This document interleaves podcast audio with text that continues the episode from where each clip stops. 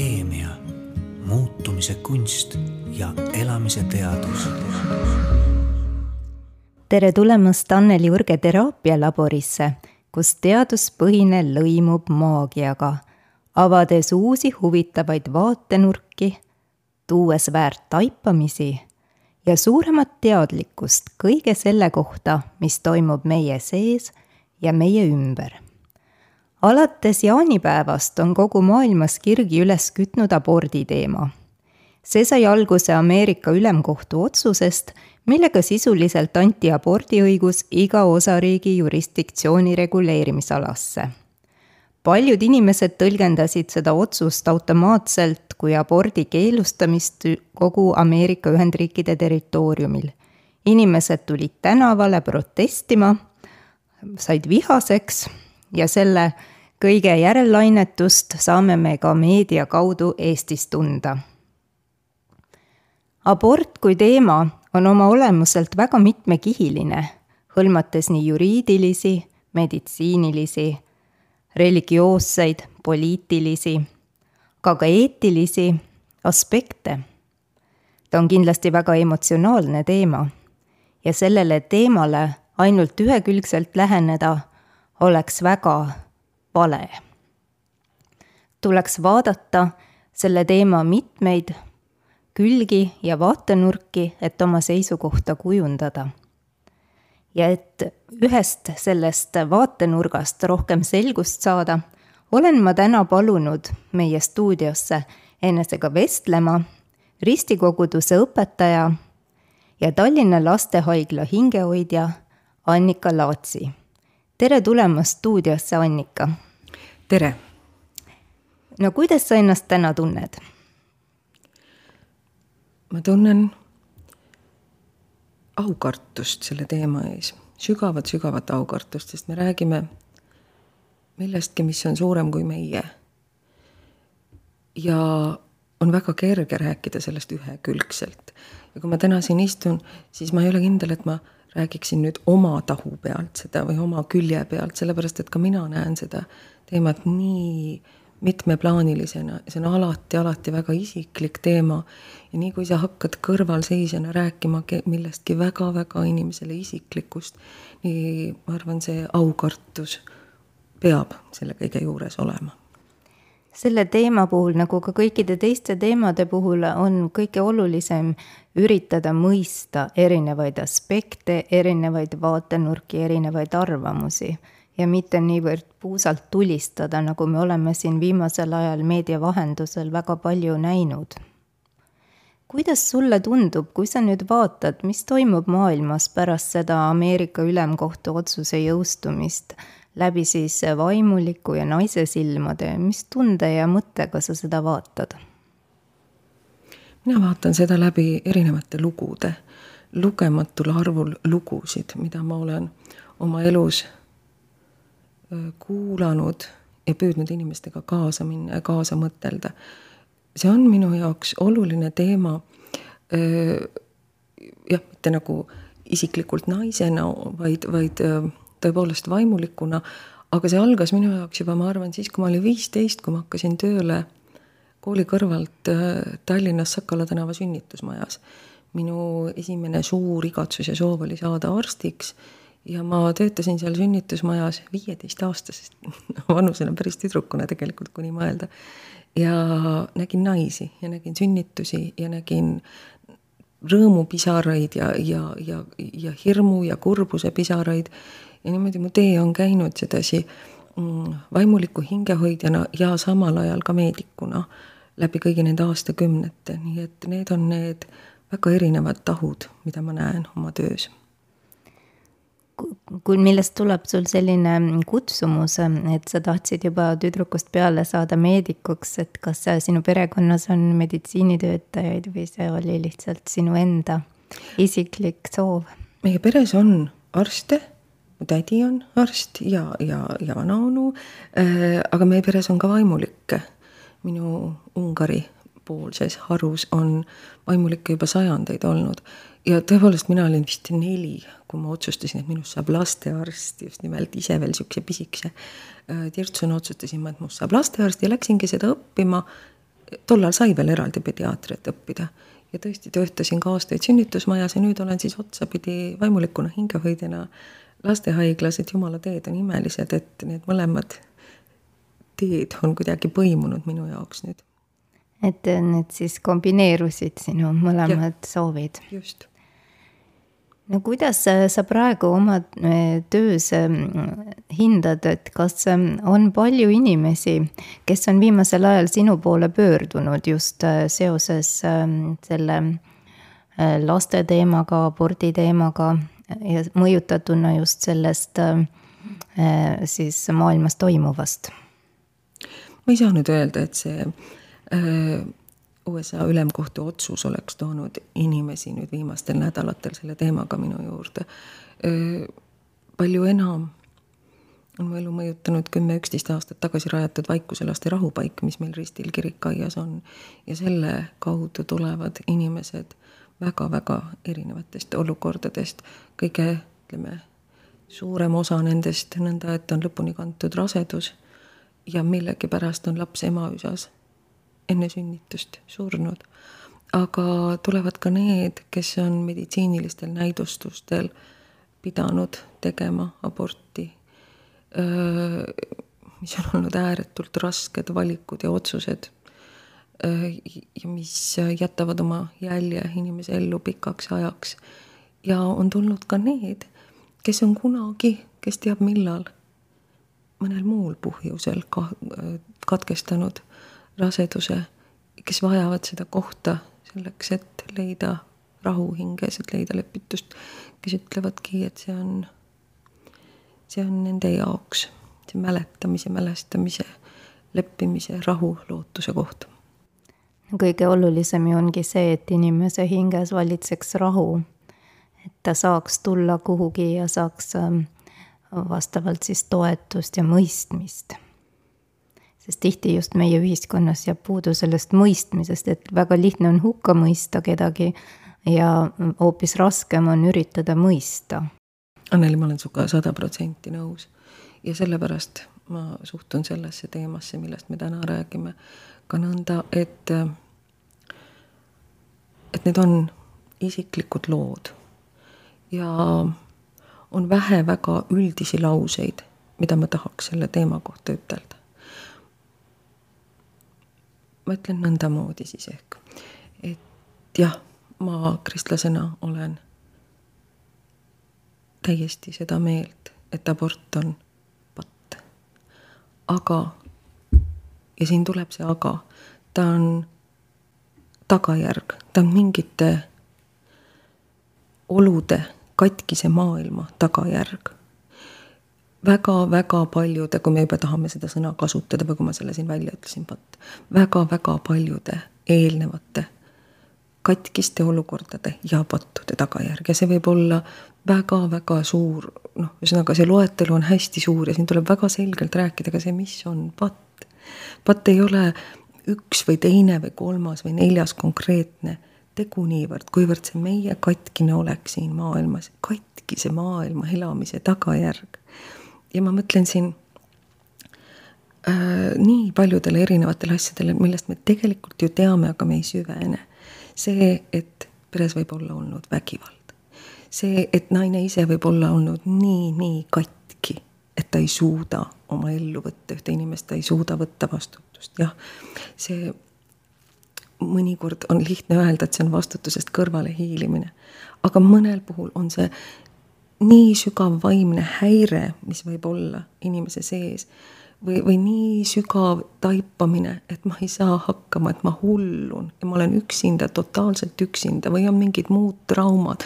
Neid on sadu, sadu, sadu erinevaid põhjusi, mis võivad inimese viia selle sammuni. ja, ja ma tõepoolest jään selle juurde, et me ei saa hukka mõista, vaid me peame õppima mõistma ja toetama ja tegelema ja tegelema, toetama inimesi. Me peame seda selles maailmas püüdlema selle poole, et see maailm oleks niisugune paik, kus võiksid väikesed rõõmsad inimesed ilmale tulla ja neid tervitatakse rõõmuga. ma veel kord ütlen, et ma olen nagu täiesti, täiesti laste inimene. ma julgustaksin kes minu poole pöörduvad, ma julgustan vastu võtma last oma ellu, ma olen näinud olukordi, kus tuleb mõni vanaema minu juurde täiesti ahastuses, tulevane vanaema siis värske viiekümnene, kes on teada saanud, et, et on tulemas laps ja kes ahastab meeletult, sellepärast et ta teab, et ta tütar ei ole valmis ja ja väimes poega pole pildil üldse ollagi. ja ma südamest julgustan neid inimesi, ära karda, et kui et, et võtke, kui te saate, võtke see laps oma ellu vastu, te saate hakkama ja, ja see on niisugune ime, kui ta tuleb ja, ja, ja saabki hakkama. Ja samas ütlen ma seda, et kes olen mina, et mõista hukka neid, kes,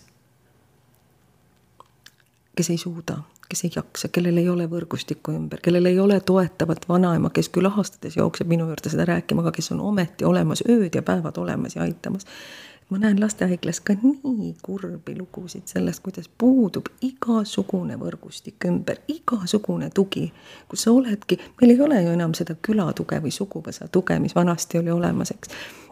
see on nii meeletu üksindus. ma näen lugusid, kus on vanemad saanud teada sellest, et sünnib puudega laps, aga arstid ütlevad, et te saate sellega hakkama, et see ei ole niisugune puue mis oleks kuidagi letaalne, mis viiks tingimata surmani või et laps ei saaks, ei õpiks mitte midagi tegema, ei oleks eluaeg torude otsas. aga sellel hetkel, kui on selgunud, et ei olegi perfektne laps, lahkub üks pool ja kaob, no te võite arvata, kumb lahkub, kui, kui laps on tulemas. lahkub isa ja siis ma näen seda ema seal ihu üksinda, noh, nii, nii maailmas üksinda selle lapsega ja ma ütlen sügav kummardus ja respekt, kui selles naises on vaimujõudu seda puudega last üksinda siis üles kasvatada. ja kes olen mina, ütlen ma veel kord, et hukka mõista seda kaheksateistaastast, kellel on vägivaldne kodu ja selles samas olukorras siis lahkub keegi sealt, see isa sealt kõrvalt, eks ju, ta enam iial teda ei näe. kes olen mina, et öelda, sina pead jaksama. tähendab, mis ma tahan selle pika jutuga öelda, on see, et abordivastases võitluses võitleme me tagajärgedega aga me peaksime tegelema sellega, et luua tervemat, üksteist hoidvamat ühiskonda, kus me hoiaksime tõesti ka neid emasid, kellel on väga-väga-väga raske. jah, inimesed võiksid olla üksteise suhtes palju hoolivamad ja tähelepanelikumad, et märgata enda kõrval neid inimesi ja, ja kasvõi oma naabrilt küsida, et mida sa vajad, kas ma saan sind kuidagi aidata jah, ja sellised olukorrad, kus sa kannad ilmale puudega lapse, ei ole see ainult üks küsimus, see on kogu meie ühiskonna suhtumine, kogu, kogu see ka sotsiaalstruktuur, et see ema ei jääks siis kakskümmend neli seitse ju üksinda seda puudega last hoidma ja kandma, hoid-, noh, päevast päeva, nädalast nädalasse, see ei ole ju ainult kümne minuti küsimus loomulikult. kümnete aastate küsimus. Loomulikult, et kuidas selliseid emasid üldse toetada ja ütleme ka teraapiasse ju neid inimesi ikkagi tuleb aina rohkem ja rohkem ja sealt nad saavad ka tuge ja kindlasti tulevad ka sinu juurde, sinu kogudusse need inimesed, kus nad saavad tuge, et vaimult siis püsida tugevad. jah ja noh, sellesama tahk on see just seesama vaimult tugev olemine, eks. et ma sama tulihingeliselt tegelikult seisan äh, nende emade ja isade poolel, kes on kristlased, kes on vaimult tugevad. ja kui nemad saavad teada, et neil on perre tulemas puudega laps, ka sügava puudega laps, tajuvad nad sageli meedikute poolt niisugust pealekäimist et kas te saate ikka aru, kas te saate ikka aru, et mõistlik oleks rasedus katkestada. See on väga hea, et väga põhjalikult seletatakse, mis on prognoos, mis võib ees oodata, mida see kõike tähendab. seda tulebki väga põhjalikult teha, aga siis tuleb ka tõsiselt võtta seda, kui vanemad ütlevad, aga me soovime ta lõpuni kanda, me ei taha katkestada ja me tahame usaldada Jumalat. ja, ja kui ta tuleb siia ilma sügava puudega, siis me võime tal lasta ilma meditsiinilise sekkumiseta siit ka minna tagasi Jumala juurde, aga kui ta on meile kingitud, siis me võtame ta Jumala kingitusena kogu selle raseduse aja, me kanname teda, hoiame teda, armastame teda. Ja siis, kui ta tuleb siia ilma ja tahab siit minna ära, siis me laseme tal minna. et, et seda respekti ka sellise hoiaku suhtes ma ka siiralt kõikidelt meedikutelt, iga tasandi meedikutelt loodan, ootan ja palun. seda loomulikult ka on, aga ma näen ka peresid, kus sedasama küsimust, et kas te ikka saate aru ja kas te ikkagi olete kindlad, et ei taha rasedust katkestada, küsitakse inimestelt paari kriitilise nädala jooksul kümneid kordi.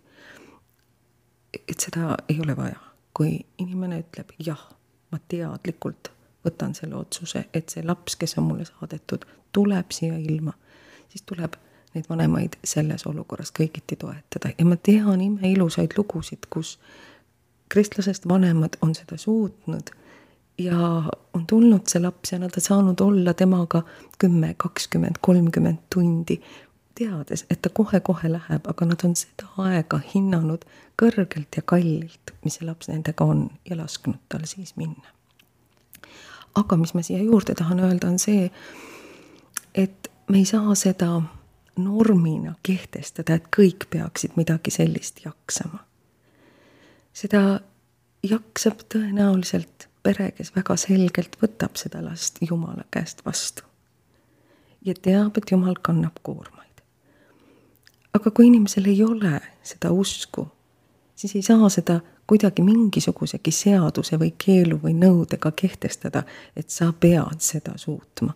ma vahel isegi ütlen seda, et kui me selliseid asju kehtestaks seadusega, et abort on keelatud, kõik peavad seda jaksama, siis mis mõte on üldse usul Jumalasse või mis rolli me jätame Jumalale? mina kristlasena võin seda võib-olla mingis olukorras, ma ei tea ju ka enda eest rääkida, kui ma oleksin selles olukorras, aga ma loodan, et mus oleks seda jumalikku jõudu see teekond nõndamoodi läbi käia. Aga kuidas ma saan seda eeldada või nõuda kelleltki teiselt, need on nii isiklikud asjad. ja jah, ma võin kristlasena olla, öelda, et koos oma Jumalaga hüppan ma üle müüri, aga kuidas ma saan seda üle müüri hüppamist nõuda kellegilt, kellel ei ole Jumalat kandmas ja selja taga või hoidmas. kes on hoopis teistest oludest tulnud, kellel ei ole toetavat peret, ja, ja, ja kelle psüühiline seisund seda ei luba või, mis on ka hästi oluline, kui peres on teised väikesed lapsed, need on ka lood elust enesest, kus on teada saadud, et tulekul on väga-väga raske puudega laps. arstid soovitavad meditsiinilistel näidustustel aborti. vanemad ei taha seda teha ja vaatavad siis otsa oma kaheaastasele ja kolmepoolesele ja peavad otsustama, kas tuua see laps ilmale kelle puhul on kindel, et kohe tuleb minna operatsioonidele ja tõenäoliselt ei ole need järgnevad operatsioonid mitte Eestis, vaid kusagil Berliinis või kus mujal. ja see ju ühtlasi tähendab seda, et see ema teab, et ta järgnevad aasta, poolteist, kaks sisuliselt ei ole olemas enam oma teiste laste jaoks ja see peab olema perekonna oma valik, mida nad teevad ja me peame toetama kõigel võimalikul moel nende otsust, nende väga intiimset, isiklikku ja ääretult rasket otsust. siin on vaja teraapiat, siin on vaja hingehoidu äh,. raseduskriisi nõustajad on meil väga tublid, vahel on ka nõnda, et ema võtab selle nõustamise vastu. isa ütleb, et ma saan hakkama siukse eesti mehe kombel ja tegelikult murdub aasta-paar hiljem. Need asjad vajavad läbitöötamist. sest selles on armastust ja selles on valu. Ja selles on süütunnet ja vastutustunnet siis näiteks nende teiste laste ees. Need on komplekssed lood väga,, väga-väga keerulised lood ja iga lugu tuleb vaadelda eraldi, et ei ole ühte üldistust võimalik nendes küsimustes absoluutselt teha aga ütle palun, kuidas sulle tundub, kas inimesed ähm, on kaotanud usu või, või nad ähm, lihtsalt äh, on kuidagi liiga enesekesksed ja loodavad, et, et nad on kõikvõimsad ja suudavad kõike ise otsustada, et seda usku nagu pole vajagi. kuigi sinu jutust ma ju järeldan, et see usk on niisugustes väga keerulistes küsimustes väga toetav et on, millele toetuda, kui tuleb teha neid raskeid otsuseid? see küsimus oli praegu hästi terane ja tabav, seal käis läbi see enesekesksus. Kui sul ei ole seda horisonti, seda, seda, ütleme siis seda olemise horisonti, siis sa muutud enesekeskseks kas seda ei toeta, vabandust, et ma nüüd vahele ja. segan ka, ütleme praegu sellised nii-öelda new age teooriad, et kus ähm, justkui äh, rõhutatakse seda, et igaüks peab eelkõige rahuldama oma vajadused ja iseenda soovid. et ähm, kui mina olen äh, siis täidetud ja terviklik, siis äh, alles kõik muu minu ümber saab minu tähelepanu, et justkui rõhutatakse meile, et kõik on võimalik et ükskõik, mida sa soovid ja tahad, see kõik on võimalik, et sina ise oled inimesena nii vägev olend, et muud nagu pole vajagi. noh, jah, neid teooriaid on vist mustmiljon ja, ja ega ma neid väga süvitsi ei ole ka tundma õppinud, aga siit-sealt neid kilde kuulates ja, ja neid liikumisi jah, ma üks, üks selline ütlemine, mille ma üle, mille üle ma ikka kuidagi kas pead vangutan või muigan, olenevalt olukorrast, on see, et et äh, ennem peab olema oma klaas täis ja alles siis saad hakata teiste järel vaatama või teiste klaase täitma. mina näen seda maailma, meie inimsuhteid, kogu, tegelikult kogu seda planeedi elu pigem ühendatud anumate süsteemina. ja olen ikka öelnud seda, et kui ma jääksin oma klaasi täitma, ma veedaksin kogu oma elu seda oma klaasi täites. et tegelikult muidugi, kui sa oled täiesti kuival, siis on noh, siis on asi kriitiline, siis sa vajad kusagilt abi. aga minu meelest see loomulik on niisugune nagu vereringe või veeringe, et olles koos inimestega, toetades kedagi, täidetakse ka sind, saad sa ka ise toetatud. me oleme nii niisugune ühtepõimunud süsteem. me ei tea kunagi veidral kombel, kes keda toetab. Me räägime üksteisega, me hoiame üksteist ja selle käigus saame ise hoitud. et sellepärast jah, ma, ma ei ole, ma ei ole seda meelt, et, et tuleks nagu väga, väga, väga sihukeste indiviididena siin tegutseda, iga inimene on oluline, aga me saame iseendaks läbi teiste, teisi toetades, teistega suheldes, selles sina-mina suhtes. Ja tõesti, see on inimsuhete puhul nii, aga see on ka kogu maailm, kogu meie see planeet Maa on ju üks selline ühine vereringe või veeringlus ja just, äh, kui äh, sellelt mõttelt ähm, laiendada seda edasi, siis nende naiste suhtes, kellel ongi keerulised olud ja neil ei ole seda taustsüsteemi, kellest sa enne rääkisid, siis just see abi, mida me kõik tegelikult võiksime oma lähedasele pakkuda või ka oma sõbrale või tuttavale, kas või kohal olla tema jaoks ja kuulata teda et see on väga oluline, sest minu arust tänapäeval inimesed enam ei taha nagu üksteist kuulata, nad justkui teevad näo, et nad kuulavad, aga samas igalühel oma plaat mängib oma peas ja, ja ta ei kuulegi, mis see inimene talle tegelikult rääkis. jah, need, nende igasuguste keeruliste teemade puhul, mis meis tekitavad selliseid vastureaktsioone või kuidagi mingid kiire, noh, kiiresti otsustame midagi ja, ja liigitame inimesi enda puhul tuleb seda ka jälgida, ma, ma ka ise pean seda jälgima, et ma võtaks omale aja kuulata ja mõtelda, süveneda. mu poolest vaadata ka filme, lugeda luge-, lugusid. ja noh, muidugi kõige suurem asi on see, kui sul õnnestub päris inimesega äh, rääkida ja püüda teda mõista. sellega me kasvame inimeseks selle läbi avardub pilk ja ma olen oma elus ise seda nii palju kogenud. see teema, mis siin ka läbi lipsas meil, eks ole, viljatusravi. Äh, kui palju ka nendes lugudes sa nagu õpid mõistma, mida inimesed tunnevad, mida tajuvad, mida nemad läbi elavad, eks. siis on jällegi hästi huvitav mõelda see, mida nemad tunnevad, tuleks kuulata ja oleks ääretult huvitav kuulata, kuidas nemad seda ka aborditeemat näevad ja mõistavad, eks, et me näeme erinevaid tahke, me kogeme elus erinevaid asju. ja viimselt vastutab igaüks sellistes asjades oma otsusega Jumala ees. sellel teemal kindlasti. aga Jumala mitte kui, mitte ainult kui sellise karmi kohtuniku ees, vaid armastava Jumala ees, kes üksinda teab ka seda, mida üks naine on oma elus läbi elanud ja mis tema sees toimub. Jumal näeb ja tunneb ja mõistab ja Jumal on kaastundlik Jumal. see on nagu asi, mis, mis on tegelikult selles küsimuses nagu hästi-hästi oluline. viimasel pühapäeval, mis on alles paar päeva tagasi olnud, oli jutluse tekstiks antud meile Johannese evangeeliumi kaheksandast peatükist lugu abielurikkujast naisest. noh, tuttav lugu ilmselt paljudele, kuidas Jeesus taheti järjekordselt proovile panna tolle aja nii-öelda liidrid, mõjukad isikud, mehed tahtsid Jeesust proovile panna ja vedasid pühakotta Jeesuse juurde rahva hulkade ette abielu rikkumiselt tabatud naise.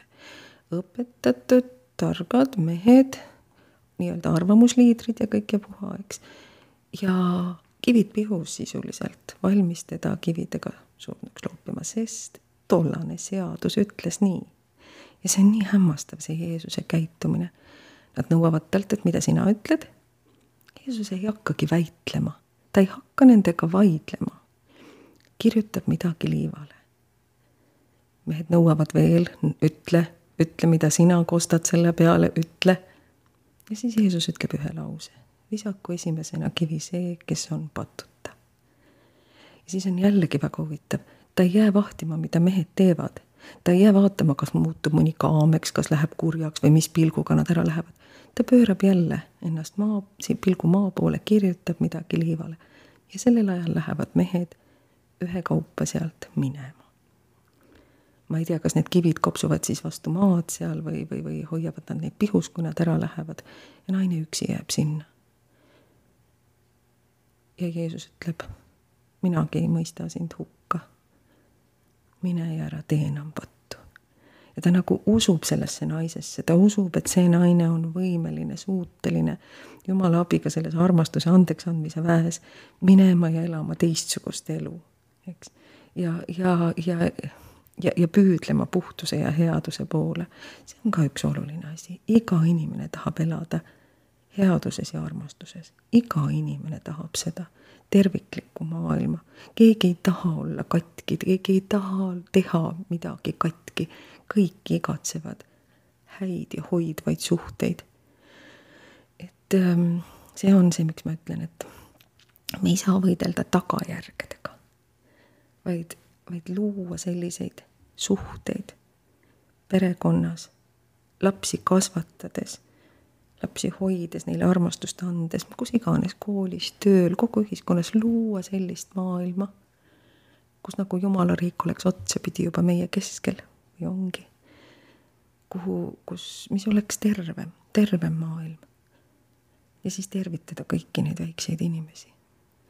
mul tuleb ka meelde selle loo taustal abikaasaga, kui käisime Firenzes ma olin hämmingus, kui paljude kirikute juurde oli keskajal loodud need paigad, kuhu tuua lapsed, keda vanemad ei jaksanud üles kasvatada, vastsündinud.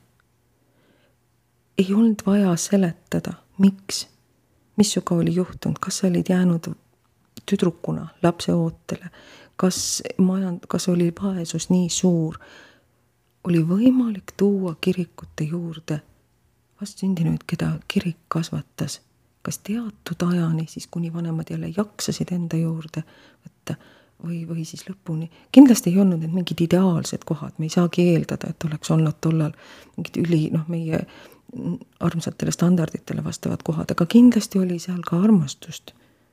me oleme näinud igasuguseid filme, millised võisid olla kiriku lastekodud ja, ja, ja kindlasti oli seal nii üht kui teist kui kolmandat, aga see mõte et olid olemas need kohad, et see oli nagu süsteemne, on tegelikult väga liigutav ja oluline. jällegi, et mitte võidelda millegi vastu, vaid toetada. Kaaritas Eestis tegeles ka ju sellega, võib-olla tegeleb praegugi, ma ei ole, ma ei ole uurinud, ma loodan, et ehk nad tegelevad praegugi, toetada teismelisi noori emasid, kellel ei ole seda võrgustikku, aidata neil, anda nõu, tõesti igakülgset toetust, kuidas kasvatada last, kui sa oled ta üksinda ilmale toonud, et ma tervitaksin kõiki, kõiki selliseid toetavaid äh, algatusi, MTÜ-sid, ma arvan, ma olen kuulnud, et midagi, midagi kusagil veel tegutseb äh,. ja, ja südamest tervitus kõigile, kes neil nende asjadega vaikselt noh, moodi kusagil toimetavad. et toetada, toetada, toetada, nõustada julgustada ja mitte hukka mõista see on väga-väga oluline ja see oli nii ilus lugu, millest sa meile alles hiljuti rääkisid seoses siis selle äh, nii-öelda hukkamõistmise ja mõistma ürita-, mõista üritamisega, mida siis Jeesus omalt poolt tegi, rõhutades, et Jumal on kaastundlik ja ta usub inimesesse, et inimene on võimeline muutuma. Aga tihti tänapäeval inimesed äh, kuidagi arvavad, et, äh, et inimesed ei muutugi ja nad ei olegi seda võimelised tegema, mistõttu siis ei antagi teist võimalust sellele inimesele. kuidas sulle tundub? ma arvan, et see ei ole midagi, mis oleks ainult tänapäeval nõnda. et see vist on olnud inimlik kalduvus läbi aegade. et me fikseerime mingisuguse arvamuse inimestest ära ja, ja see märk nagu jääb külge. Just nimelt, et kas või kümne või kahekümne aasta pärast seesama inimene, kes siis näiteks tegi kergekäeliselt seal kaheksateistaastaselt äh, aborti, äh, et siis ähm, tema kogukond ja, ja tema lähedased äh, justkui teda defineerivad selle kaudu. Nojah, tänapäeval vist on see asi siiski natukene või, või oluliselt, oluliselt parem ja kergem, kui see oli äh, sajand tagasi või nõnda, kui, kui külaühiskonnas kõike kõigist teati. aga jällegi, eks me lähtume ka kindlasti ajalugu hinnates mingitest klišeedest ja mm, Eesti, Eesti ajaloolased on rääkinud ka sellest, et, et võib-olla need ei olnud külaühiskonnas ka nii ühesed, need suhtumised. igal juhul, igal juhul on see minu meelest see reegel, et iga inimese lugu on erinev suur respekt ka meie äh, seksuaaltervise eest hoolitsejate ja ämmaemandate ja, ja gümnakoloogide ja nõustajate suhtes, kes on aastaid-aastaid sellega tegelenud ja minu meelest teevad väga ilusat tööd Eestis, äh, nõustades ka noori. sellega on ikka suurte sammudega edasi liigutud, see areng on olnud hästi suur. ma leian, et kui me kristlastena, vaimulikena, hingehoidjatena noh, ka rohkem tegeleksime sellega, et, et noortele toeks olla nende arengus, perekonna loomises, suhete loomises, et siis siis meie energia võib-olla läheks ka nagu õigemasse kohta, kui, kui lihtsalt millegi vastu tegutsedes, selle vastu tegutsemisega tuleb mul meelde ka see meie vaikuselaste rahupaiga loomine, see aeg. kui mu käest küsiti, mõni mu meeskolleeg küsis seda, noh, et kas see, mis te seal loote, et kas te hakkate, siis ma loodan ikkagi nagu abordi vastu võitlema selle paigaga. ja mul tookord vajus ikka suu päris lahti, et, et ei, et vaikuselaste rahupaiga ülesanne on nüüd küll kõike muud kui millegi vastu võidelda. et me tahame igati toetada neid, kellel on valus kaotus. leinas toetada, neid kokku tuua omavahel, et nad saaksid üksteist hoida ja toetada. ja, ja tõepoolest äh, ka noh, nagu hästi erine-, laial skaalal. ja ma usun, et sellistest erinevatest viisidest anda inimesele märku sellest, et sa oled hoitud ja mitte ainult sõnades, vaid reaalsete tegudega, sedasi me võikski edasi liikuda. ja jällegi noh, nagu hästi-hästi üheskoos. Äh,, erinevad valdkonnad üheskoos, luua seda toetavamat maailma, kus inimene julgeb tuua ilmale lapse ja teab, et ka siis, kui tema väsib, kui tema ei suuda, kui temal juhe jookseb kokku, kui ta on noh, näiteks karjuva vastsündinu tõttu nii äärmuse olukorda viidud, et ta enam ei suuda. et siis on keegi, kes annab talle kasvõi tunniks selle hetke, selle aja, et ta saab minna ja joosta pargis ühe tiiru. see tundub nii lihtne, nii elementaarne, eks, aga kõigil ei ole seda. annaks kasvõi selle tunni, et ta saaks ennast välja magada nõus, duši all ära käia. just nimelt. et seda on nii lihtne nagu teoritiseerida ja mingeid reegleid maha noh, panna ja, ja väga noh, moralistlikult nõuda, et nii ja nii ja nii ja tegelikult on praegugi, kui me siin praegu sinuga seda saadet teeme või räägime, eks, tegelikult on kümneid emasid. ja võib-olla ka mõni isa, kes vajaks seda, et saaks korraks silmatäie magada, saaks äh, duši all käia ja noh, rääkimata sellest, kui saaks, eks ole, välja minna ja ta pole võib-olla kuid seda teha saanud, eks. ja see on ikkagi vaimsele tervisele väga-väga raske. lapsed on hästi erinevad lapsed on erakordselt erinevad ju, ma arvan, et igaüks, kes on mõne lapse ema, teab seda ja, ja noh, on, on need esimesed kuud, aastad tõepoolest stressirohked, pärast tulevad uued, uued ülesanded ja väljakutsed. just nimelt ja see on ka kõige, no ma nüüd emana võin öelda, kõige isetum aeg üldse see, ütleme, väikelapse ema olemine, et siis need enda vajadused ja soovid, need on küll väga tagaplaanil. sest see väike maailmakodanik, tema on siis ikkagi A ja O ja kõik tema vajadused peavad saama kohe rahuldatud. ja siin on ema vaimne tervis hästi tähtis ja me ei saa eeldada, et see on olemas kõigil, me teame seda, me praegu kuuleme oma noortest, eks ju, kui palju on vaimse tervise probleeme, kui vähe on vaimse tervise abi. halloo, needsamad noored on viie, kuue või kümne aasta pärast lapsevanemad. kust me peame alustama, jällegi, see on see koht, et mitte võidelda tagajärgedega, vaid võidelda või tegutseda, mitte võidelda, vaid tegutseda selleks, et, et need noored, kes saavad kümne aasta pärast vanemaks, et neil oleks olemas vaimne tugi ja tasakaal. pane, paneme energia sinna, paneme ressursid sinna, eks ju. et kui neil oleks see vaimne tervis olemas, sest emaks ja isaks olemine nõuab head vaimset tervist ja ma veel kord tulen selle juurde, et külaühiskonnas võis see toimida niimoodi, eks ju, et kui sul oli juhe koos, kui sul oli, ma ei tea, sünnitusjärgne depressioon, võtsid sealsamas kogukonnas elavad teised naised selle asja mõneks ajaks üle. Aga meie, kes me elame sellises indiviididena üksteisest isoleeritult, seda ei ole ja me tunneme, me tajume seda, me tajume seda, väga paljud tajuvad seda, et nad tegelikult on üksi. ja sealt lähtuvad need otsused, eks. ja muidugi selle lapsevanema üksindus ja üksildustunne, see ju ometigi mõjutab ju selle väikese lapse psüühikat ja tema esimesed hingehaavad saavadki ju sealt alguse ja siis võib ainult oletada, milliseks inimeseks ta ise kujuneb ja kui kvaliteetne lapsevanem ta suudab oma lastele olla, et see kõik on üks suur pikk protsess.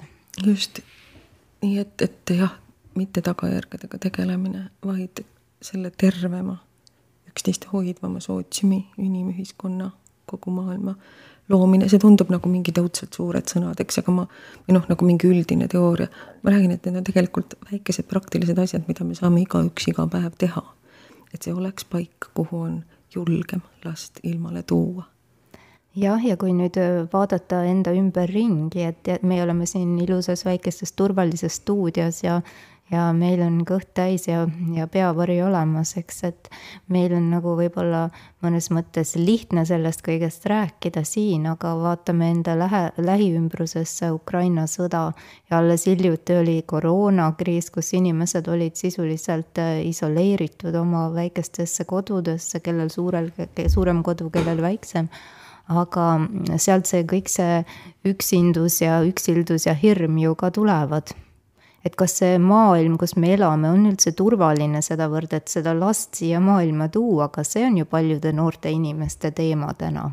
see on nende teema, ma olen seda kuulnud ja selle üle mõtelnud, teisalt noh, mina nagu jah, et selle, selle koha pealt ma ütlen, et äh, lapsed, sündigu siia maailma, hoiame armastust, loome armastust. Ma ei, see, see, vot see ei ole minu jaoks argument, tõepoolest, ma saan aru, et mõne jaoks on ja ma ei taha teda halvustada, aga, aga kõikidel aegadel on sündinud lapsi siia maailma ja ma ise nagu ka kirikuõpetajana, kui ma nagu seal elu teises otsas olen ja inimesi, vana, vanade inimestega juttu ajan või, või neid ühel hetkel ka matan ja siis ma sageli vaatan neid aastaarve ja mõtlen, et heldeke, ta on sündinud keset suurt sõda mu oma vanemadki on sündinud keset teist maailmasõda, eks. ja ma olen nii tänulik, et vanavanematel oli seda lähedust ja armastust ja, ja julgust anda elu, eks. me ei oleks siin, me ei räägiks praegu siin. muide, mulgi käis mõttest see läbi, et noh, näed, siin me oleme, eks ju, soojas, mõnusas, valges stuudios istume ja räägime, eks. aga olukordi on nii erinevaid. me mõlemad sinuga oleme küllap elus toonud oma lapsed niimoodi ilmale, et meil on olnud suhteliselt turvaline. kas siis oma abikaasa tõttu või, või toetavate vanemate tõttu või noh, kõik need, eks. ja, ja me peame meeles pidama, et on olukordi ääretult erinevaid, on ka selliseid, kus on vägivaldsed peresuhted. vist kusagilt seda nüüd ühest äh, doktor Maria Abeli uuringust või artiklist lugesin, et ligi viis protsenti aborti teinud naistest tulevad vägivaldsetest peresuhetest Äh, ja kui seal on juba ühed lapsed ees, kes näevad ema peksmist või seda ja siis, siis sa nagu mõtled, et toon ma sinna siis veel ühe lapse juurde. ka minu teraapiaruumis on olnud inimesi, kes lihtsalt ongi sellistes olukordades ja neil ei olegi tegelikult me näeme reaalselt, et neil ei olegi võimalust äh, sealt kuidagi lahkuda, sest et äh, nad ei ole absoluutselt iseseisvad, nad on, sõltuvad sellest vägivallatsejast. ja ma olen ka tänulik, et meil on olemas selliseid naiste turvapaikasid, kuhu siis nendel inimestel on võimalik minna keset tööd, kui need vägivallatseenid juhtuvad hmm.. jah, ja noh, nii minagi tean neid naisi ja ma ütlen, müts maha nende eest, kui nad on selle lapse ilmale toonud ja see, ja iga laps toob, iga laps on õnnistus, iga laps toob rõõmu ellu.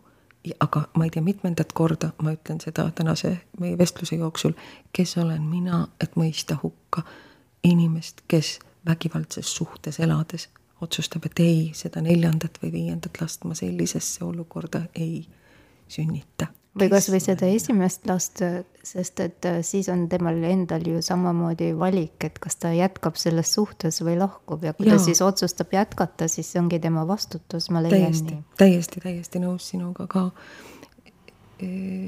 Jah, et, et see, me vist ikkagi oleme selle juures, eks ju, et, et lood on nii, nii erinevad ja ei ole vaja seda mõelda, et see on mingisugune naiste mugavus või, või, või laiskus või siis nii... nende õigus oma keha üle ainuisikuliselt otsustada, et see prevaleerub siis kõigi teiste inimõiguste üle, nagu juristid siin mõnedes ähm, artiklites viimasel ajal on väljendanud, et pigem sellega seoses on ikkagi palju-palju teisi aspekte veel. ma siiski ka seda jah, see ju, juurasse ma ei läheks, kuigi ma mõistan ka seda argumentatsiooni aga ma, ma sellesse teemasse praegu jah, kuna ma ei ole jurist, siis ei, ei lähe, selles osas on praegu mu meelest segadust niigi üsna palju nende äh, juriidiliste nüansside üle. Ja ma loodan, et ka arstid ja juristid ja kõik saavad selles, selles äh, teemas sõna sekka öelda, kui neid peaks arutatama. et see on, see on nii mitmekihiline teema juristina lihtsalt äh, ma teen repliigi korras äh, väikese sissepõike, et äh, mulle tundub, et meie Eestis on ikkagi seadusandlus ka abordi koha pealt suhteliselt stabiilne ja kõik inimeste õigused on tagatud, et ka nende, kes soovivad aborti teha ja nende, kes seda mingil tingimusel teha ei soovi.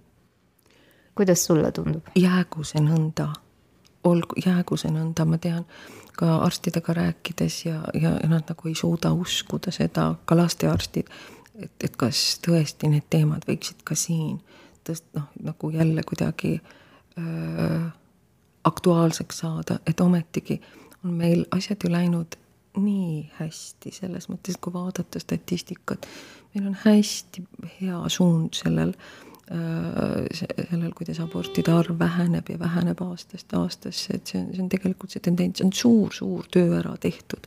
annaks jumal, et, et, et, et seda seadusandlust ei hakataks praegu muutma ega torkima, sest see teeb kohutavalt palju valu juurde loodetavasti ikkagi keegi seda seadust muutma praegu küll ei asu. meil on ju oma seadus selle kohta kehtiv ja ma usun, et, et see on, on ikkagi parim, mis tänases ühiskonnas saab olla. jah, et sellele ei tohiks tagasikäiku anda, olen ma täiesti nõus. ja ka see äh, siit-sealt kostuv jutt, et aga miks seda tehakse maksumaksja raha eest, las maksavad ise, on mu meelest hästi elukauge ja küüniline jutt. sellepärast, et väga sageli on põhjuseks see, et tegemist on teismelisega, keda on mingil moel ära kasutatud, kellel ei ole tugevat paarisuhet seal taga. et nagu öeldud, on vägivaldses suhtes see rasestumine toimunud või on väga-väga rasked majanduslikud põhjused seal taga. Ja, ja see küsimus ei ole ainult üheksas kuus ja sünnituses, eks ju, vaid lapse üleskasvatamises. et noh, et, et kellel, kellelt me seda raha koorima hakkaks.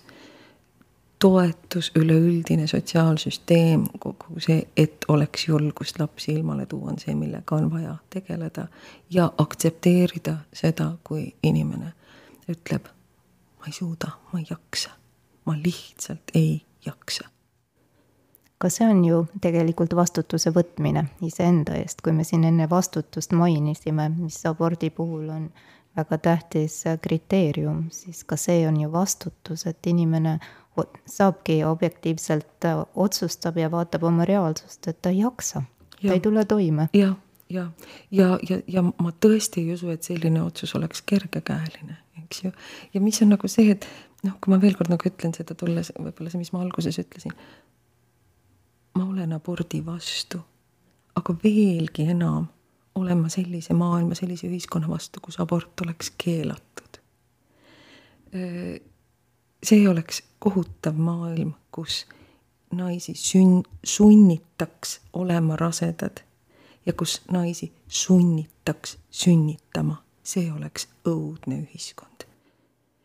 Jah, praegusest äh, demokraatlikust ühiskonnast, kuhu me oleme jõudnud ja mis teadmiste ja millise tead-, teadvustasemega me elame, seda ette kujutada, see tundub äh, väga jõhkralt keskaegne tõesti või isegi võib-olla mitte keskaegne, vaid veelgi madalamas arengujärgus oleva ühiskonna mudel. seda tõesti mitte keegi ei soovi, ma usun, vähemalt tervelt mõtlev inimene aga tulles tagasi nende maksumaksjate juurde, sa enne mainisid, et ja on argument, et me ei, ei soovi nende abortide eest maksumaksjatena maksta, siis äh, kui vaadata selle asja teist tahku, siis ka need inimesed, kes on mingil põhjusel sunnitud või valinud aborti teha, on ju ka maksumaksjad ka see, ka see on oluline. jah, eks ju, ka nemad käivad tööl või ka nende vanemad siis alaealiste puhul ja ja siis äh, on ju nemad, nende eestki sotsiaalmaksud makstud, et äh, need ei ole ju kindlasti inimesed, kes tulevad ja nõuavad, et meditsiinisüsteem, mida nemad kuidagi toetanud ei ole, peaks nende eralõbu kinni maksma. ma arvan, et maksumaksjatena me peame aktsepteerima seda, et meie makse ei kasutata alati nõnda nagu meie neid kasutaks, ma, ma, ma oskaksin ka praegu, läheb küll teemast välja kindlasti neli-viis asja tuua, mille peale mina hea meelega oma makse ei, noh oma raha ei kasutaks, aga see on demokraatlik ühiskond ja ma lepin sellega, et nii on. jah, ka mina lepin sellega, et me oleme ju valinud need inimesed ennast äh, nii-öelda esindama ja, ja nemad on moodustanud siis need ametiasutuste koosseisud, kes otsustavad, äh, kuidas siis seda meie ühist ähm, raha kasutada. et me oleme justkui oma sõna öelnud Riigikogu valides, aga jah, see nüüd, et äh, väita, et see on kuidagi äh, kurjast, et me kellegi äh, abordi kinni maksaksime, see tõesti ei ole tänapäevane seisukoht. ja kui inimene siiski seda nõnda mõtleb, siis mida ta saab teha, on minna toeks mõnele, kellel on väga raske, kanda oma last ja tuua seda last ilmale, toetada teda nõnda, et ta saaks jääda oma valikule ustavaks ja aidata sellel lapsel suureks kasvada.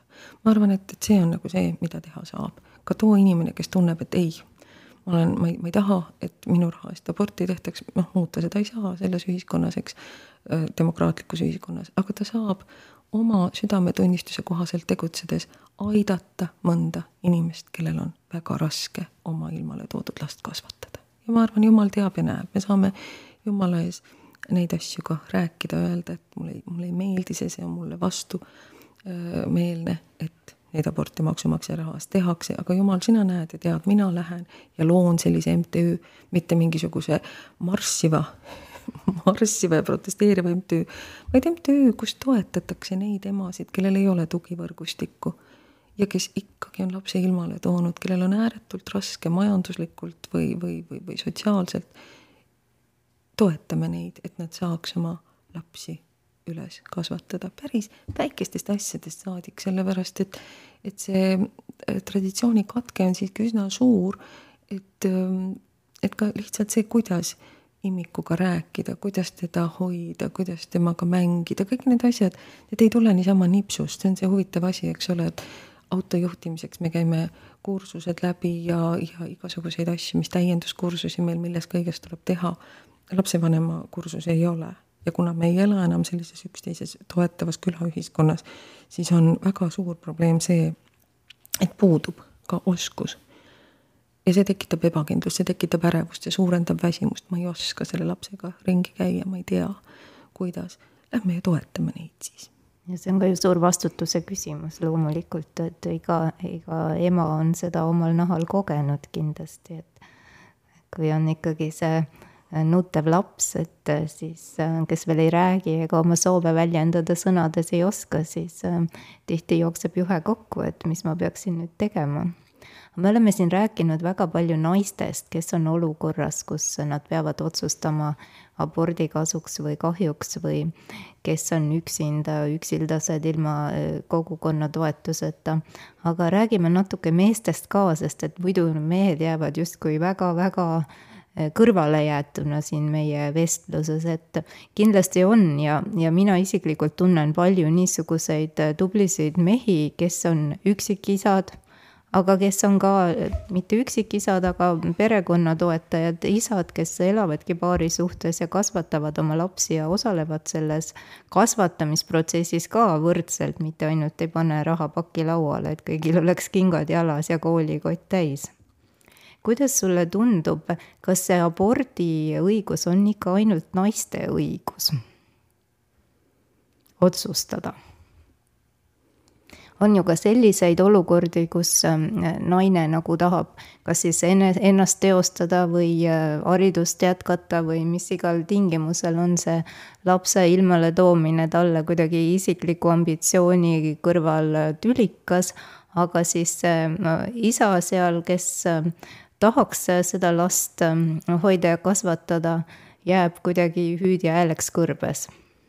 ja esiteks muidugi tervitused kõigile isadele, perekonda hoidvatele, laste, lapsi hoidvatele, oma naisi hoidvatele isadele, loomulikult on neid palju ja minu meelest on ikka nii vahva see, see, see praegune isade põlvkond, kui vahvalt nad nagu osalevad kõiges selles. Minu isa oli omal ajal nagu selline suur Äh, imetlusobjekt mu sõbrannade seas, sellepärast et tema oli see, kes käis minuga kaasas uisutamas ja ja, ja, ja mida kõike tegemas ja hästi palju tegeles, tollal oli see nagu pigem kurioosum.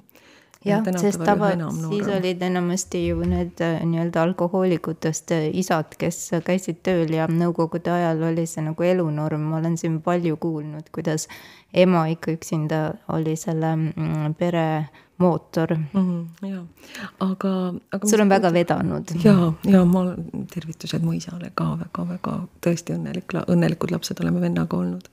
aga mm, ma arvan, et toimivates peredes need otsused sünnivadki koos. ja ei ole kahtlustki ja lihtsalt õnn ja rõõm on armastavas paari suhtes tuua ilmale laps, ma ei, ma ei tea nagu, ma ei tea suuremat rõõmu sellest. Äh, küsimus on ju noh, nendes olukordades, kus seda suhet ei ole sellisena. Äh, ja midagi ei ole teha, mõnikord mees on, ma tean üksikuid lugusid, väga palju mitte, aga kus mees on äärmiselt nördinud sellest, et naine on otsustanud abordi kasuks. aga ma arvan, et siis on juba natukene hilja et seal on siiski midagi varem olnud juba viltu. et äh, et jah, et kui seal on nagu suhte ja usalduse probleem, ei saa mees ju võtta üle seda rasedust ja tuua see laps ilmale, see, see lihtsalt on niimoodi, mul, ma võiks isegi öelda, et mul on väga kahju, et see nii on, aga see on niimoodi, jumal on selle nõndamoodi loonud. ma olen ise väga rasedusi nautinud ja, ja, ja ei annaks seda ei annaks seda kogemust kuidagi ära. aga, aga tõepoolest, et noh, kogu selles debatis, eks ju, noh, kui, kui see oleks niimoodi võimalik, siis andke minna, aga ei ole ju jah, e, on olnud väga nagu häiritud mehi, väga puudutatud, haiget saanud mehi, kui naine on otsustanud teha aborti. aga need on olnud jah, pered, kus elatakse lahus ja ju siis on olnud ebakindlus nii suur ikkagi selle suhte suhtes või mis iganes seal taga siis on. aga ma natuke jah, selles naiste ambitsioonide osas olen pisut küsimärk selles mõttes, et teadlikud naised tänapäeval. Ikkagi ju noh, vahendeid, millega oma iseseisvust, nii-öelda iseseisvust, eks ju, säilitada, kuni on õpingud lõpetatud, kuni on leitud omale koht elus, on ju noh, ikkagi on võimalik peret planeerida, on võimalik oma elu planeerida, just. et ma arvan, et see on natukene mm, ülepaisutatud või kohati mõnes, mõnes väitluses rohkem kui natukene ülepaisutatud. et naised ei sünnita sellepärast, et nad ei viitsi või tahavad oma ambitsioone teostada. seda on meeste suust natukene veider kuulata ausalt öeldes. ma toon siia ühe teise kõrvalpõikena ühe teema vahele, lugu, mis mul eluks ajaks meelde jääb. olid pika laua ümber koos eranditult mehed, kõik eranditult juhid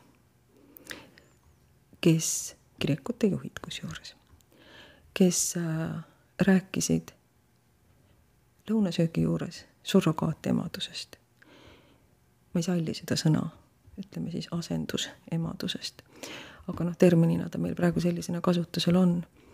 ja rääkisid sellest kui millestki, mida naised teevad sellepärast, et nad ei viitsi lapsi ilmale tuua ja tahavad pühenduda karjäärile, tahavad oma ambitsioone teostada seda rääkisid mehed, kes olid kõik juhid.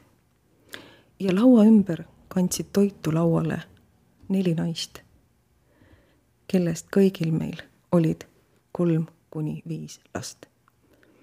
me kandsime, võtsime musti nõusid nende eest ära ja panime siis järgmist käiku lauale ja teenime seal ümber ja mehed räägivad sellest, kuidas naised valivad surrogaatemaduse, mis on eetiline, inetu ja nii edasi, sellepärast et nad ise ei viitsi lapsi sünnitada ja tahavad mõelda karjäärile. ma arvan, et ma ei pea kommenteerima seda olukorda.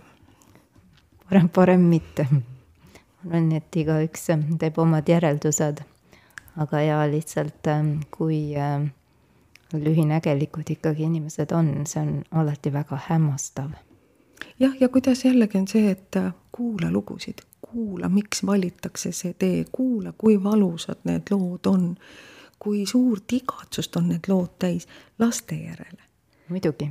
ja, ja, ja kui suuri ohvreid see nõuab ja millist teekonda on läbi käidud, et mingil muul kombel rasedaks, loomulikul kombel või kunstliku viljastamise teel rasestuda, kui noh, need on tegelikult nagu, need on nii valusad ja, ja, ja sellised õrnad, delikaatsed lood. ja seal taga on igatsus saada emaks ja isaks, seal on ju paar taga, eks ole, reeglina ja, ja, ja noh, kui see on, see on ääretult keeruline teema, vot see on tõesti juriidiliselt, eetiliselt, meditsiiniliselt väga-väga mitmekihiline teema. aga see on kõike muud kui midagi, millele panna silt külge, et see on naiste soovimatus ise lapsi kanda ja oma ambitsioone teostada. see on tõesti väga keeruline teema ja juriidiliselt peabki tegelikult neid keerulisi teemasid väga täpselt reglementeerima ja kõikide huvigruppide siis ähm, arvamusi ja seisukohti arvesse võtma. kaasa arvatud lapse. kaasa arvatud lapse ja tema õiguste, loomulikult. aga kõike nüüd äh, nende teiste inimeste lugusid ja ütleme ka siis meedialugusid ja kõike seda kõrvale jättes soovin ma sinult kui naiselt, emalt küsida et kuidas sina ise kõige sellega toime tuled, et tulevad paljud inimesed sinu juurde oma lugusid rääkima, sa oled nende jaoks alati olemas. see ongi sinu töö ka seal lastehaiglas ja need lood, mis sinuni jõuavad, on alati väga tõsised lood ja sügavad lood, et kuidas sina ise oma sisemise tasakaalu säilitad ja kõige sellega toime tuled? minu tasakaalupunkt on Jumalas ja kõik need inimesed, kellega ma kohtun, kas nad siis ise teavad seda või mitte, nad on Jumala omad. Nad ei ole minu kliendid, nad on Jumala omad. iga kohtumine on ühel või teisel kombel nõnda seatud, et see sünnib, ma näen nagu seda kui kingitust endale ka raskete väga,, väga-väga raskete lugude puhul, mõnikord on kingitus ülesanne, ülesanne, kingitus, need piirid on sellised keerulised, eks ju ma olen kuidagi nagu veendunud, et selle elu imelisus on selles, et me oleme, me tohime nagu üksteise toetada, hoida, et me nagu lõimume, põimume läbi äh, nagu suur-suur sihuke lõime, vaip või põim, vaip, eks ju. ja ma näen ennast siis lihtsalt osana sellest, sellest jumala tervikust. ma siiralt, kui ma olen ka täna siin öelnud mm, noh, mm, midagi, mis kellelegi tundub, et et oot-oot, kas ta siis mõistab mind hukka, kui ma olen nii või te teisiti teinud. jumala eest ei. sest millest ma tahan hoiduda, on hukkamõistmine. aga ma tahan, et me koos oleksime teekonnal, eluteekonnal nagu jumal, noh, jumala teekonnal, eluteekonnal, üksteist toetades teekaaslastena. ja see võib olla raske, aga see on imeline mu elu on tänu sellele tööle tohutult rikas. et see on nüüd kõike muud kui üks luine. Ja ka sellistes olukordades, kus ma jään sõnatuks ja keeletuks ja, ja jõuan noh, nagu hämminguni ja siis jälle aukartuseni inimeste ees, kelle puhul ma mõtlen, taevake, kust tuleb tal see jõud? Või, või, või, või, või, või millist elu, kui keerulisi olukordi on antud mõnedele inimestele elada kuidas võib nipsust ühe lapse sünniga elu pea peale pöörduda ja, ja, ja muutuda ja milliseid koormaid inimesed kannavad. et mis on minul nagu siin nuriseda siin kõrval, et oh, mul on raske või mis. pigem, pigem ma olen täis imetlust inimeste suhtes, hämmingut selle elu ees ja, ja kogu aeg nagu püüan jõuda tagasi selleni oma, oma selle tasakaalupunktini, Jumalani, teades, et me kõik oleme tema peopesa sees ja sealt on juba peaaegu võimatu välja kukkuda. sealt ongi võimatu välja kukkuda, see on minu meelest üks hästi, nii tore, et sa seda ütlesid, seda ma ikka inimestele räägin, et jumala peopesa on nii ääretult suur, lõputult suur, et kui sa tead ennast seal asuvat, isegi siis, kui sa kukud, siis sa tegelikult taipad, et sa kukkusid tema peopesa sees, et sa oled käpuli tema peopesa sees, sa ei ole üle ääre alla kukkunud, vaid sa saad uut jõudu ja tõused ja lähed edasi ja tema kannab ja, ja, ja kannab, kannab meid koos vastutuse, koos süüga, tema juurde saame minna sellega, mis meid vaevab, mis meid koormab, tema on kaastundlik, tema on tervendaja. ta on püha Jumal, aga see pühadus on meie jaoks keeranud ette armastuse palge, nii et me võime võtta armu armu peale ja jõudu ja väge edasi minna. ta on tervendaja, ta on tõesti tervendaja Jumal ja ma, ma oskan nagu ainult seda soovida, et me saaks välja keerduda oma haavadest sellest. vaata see enesekesksus, mis ma, sa mainisid, tegelikult on see nii, et haavad, mis meisse löödud on, muudavad meid ka enesekesksemaks või mis me iseendale ja teistele teinud oleme, muudavad meid, sest sa nagu tõmbad niimoodi oma valus tõmbad endasse. kaitsed ennast, et jälle Täpselt. mitte haiget saada, aga selle samal ajal aru andmata, et sa müürid enda südame justkui kinni armastuse ees. just, ja see, mis tekib selle peopesa taipamisega, on see, et sa lased nagu laps ennast tegelikult niimoodi vabaks ja lased tervendada ja leiad usalduse, elamise julguse ja usalduse elu vastu.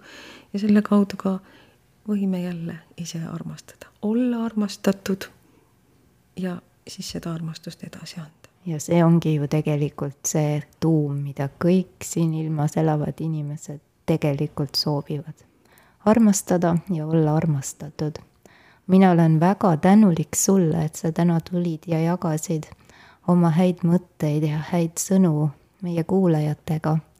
ja aukartus elu ees ja ka usaldus elu vastu on see, mis meid edasi viib ka sellistes keerulistes teemades nagu abort.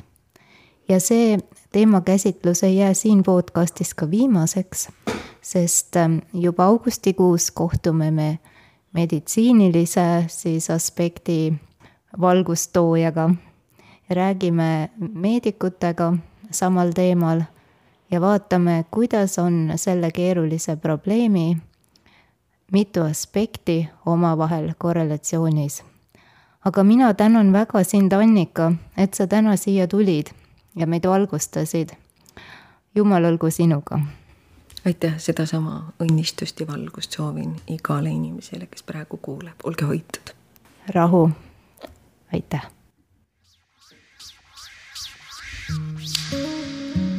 alkeemia, muutumise kunst ja elamise teadus. alkeemia taskuhääling toob teieni huvitavat ja harivat keha, hinge ja meele vallast. Kuula ja loe alkeemia.ee, leia meid ka Facebookist ja Instagramist